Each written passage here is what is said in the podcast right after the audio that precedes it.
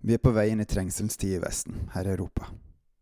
Hva skal vi gjøre, Herre? Hvordan skal vi møte dette? Hvordan skal vi takle det?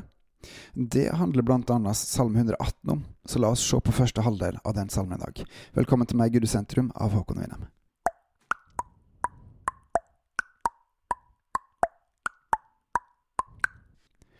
Pris Herren, for Han er god.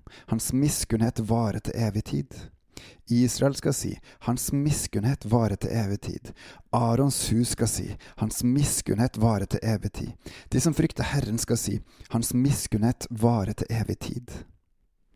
Her i går så var det en politiker på Facebook som skrev at det er diverse motstandere som nå har valgt å bli litt sånn aktive inn på Facebook-kontoen hans og beskylde han for ting eller legge ut ting som er imot han, eller som er ødeleggende på en eller annen måte. Hvordan møter man dette? Truls Olofsen Mehus sitt svar var eh, å hente fram noe fra andre Peters brev, hvor han skriver hvordan vi skal være mot det som er i verden. Hva er salmisten som har skrevet Salme 118 sitt svar? Han skriver videre. Ut av trengselen kalte jeg på Herren. Så hvor begynner man hen? Når det er trengsler, søk Herren. Jeg tror ikke det går an å få sagt det mange nok ganger. Søk Herren, søk Herren, søk Herren. Leser man gjennom Bibelen sin historie, gjennom kongetida i Gamle Testamentet, så var det én ting kongene ble vurdert på. Søkte de Herren eller ikke? De kloke søkte Herren, de andre ikke. Herren, Herren, Herren skal vi søke i trengslene. Ut av trengselen kalte jeg på Herren. Herren svarte meg og førte meg ut i fritt rom. Herren er med meg, jeg frykter ikke, hva skulle et menneske kunne gjøre meg? Og her er en annen ting, hvem er det vi skal frykte mest av absolutt alle? Av absolutt alle? Jo, det er Herren, det er Gud. Han er den frykteligste av alle.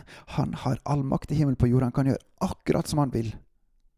Mennesker kan skade livet vårt her og nå, men vårt evige liv, hvordan vi er for evig og alltid, det er det Gud som har kontroll på. Og husk, hans miskunnhet varer til evig tid. For hver og en som omvender seg til han og bekjenner sin synd og sier Jesus, frels meg. Herren er med meg, han er den som hjelper meg, jeg kan rolig se på dem som hater meg.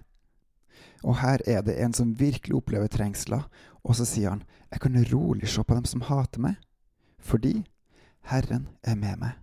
Man er ikke skånt for alt mulig som kan skje av onde ting, men så lenge Herren er med meg, så er jeg trygg.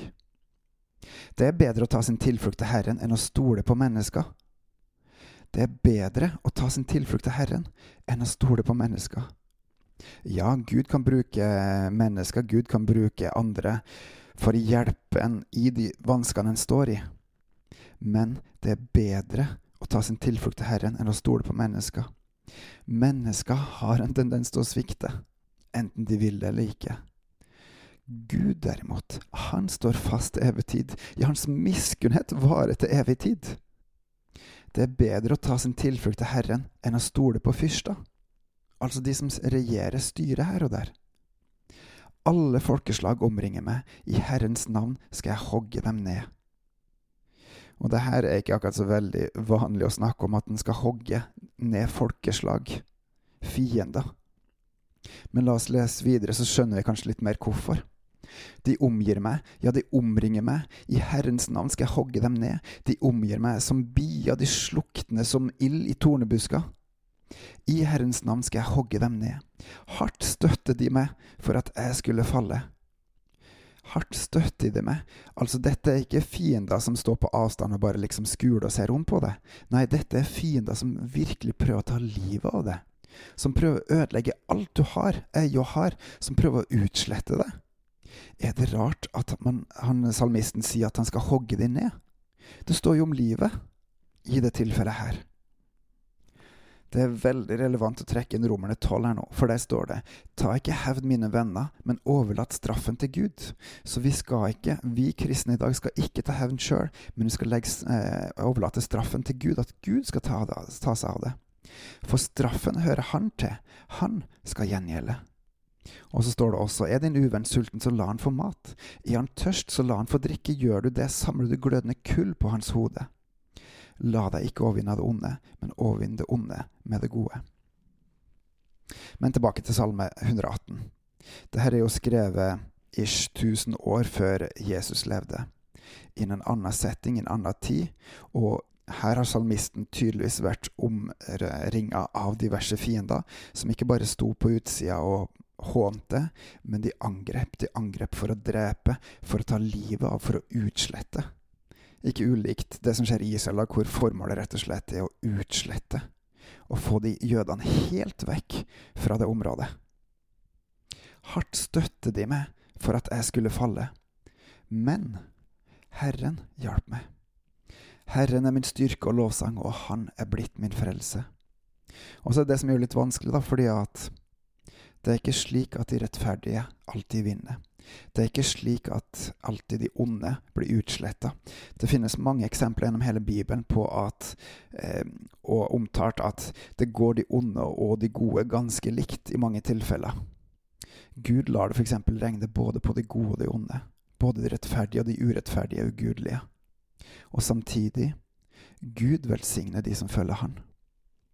Vi har to liv. Vi har ett liv her på jorda og ett evig liv med Han. Og hvordan det går her på jorda, det vil variere. Gud har kontroll på vår inngang og vår utgang, ja, til evig tid. Og det er Han vi skal frykte, for begynnelsen til visdom er å frykte Herren. Han som har all makt i himmel og på jord. Og derfor, når vi nå er på vei inn i trengselens tid, søk Herren. Ta din tilflukt til Herren. Ikke stol på mennesker, men søk Herren. Hans miskunnhet varer til evig tid for de som frykter Han, for de som tilber Han, for de som følger Han. Lev nær til Han, fyll olje på lampa di, og kjenn at Herren er nær, at Han er god, og at Han tar seg av sine. Og Herre, styrk ditt folk, styrk oss, slik at vi kan stå fast på ditt ord, slik at vi kan stå fast med sannheten, og at vi kan være sannheten tro i kjærligheten. At vi er et folk som løfter opp deg og ditt ord og din sannhet, og samtidig snakker med folk. Ikke bare snakker om, mot, men med folk. Og at vi legger vekt på samtalen, at vi legger vekt på nestekjærligheten og at vi legger vekt på sannheten, din sannhet, til din ære. Styrk oss med din Hellige Ånd i alle de situasjoner som vi står i, når vi skal forsvare din ære, når vi skal løfte opp din sannhet, når vi skal løfte opp ditt navn. Og må det skape liv hos andre, eventuelt glødende kull, og liv hos andre. Takk, Herre, at du er full av miskunn, som varer til evig tid, og at vi får lov til å være dine bare fordi at vi bøyer kne for deg, omvender oss og får synstilgivelsen ved deg, Jesus, og krafta ved deg, Hellige Ånd. Halleluja, amen.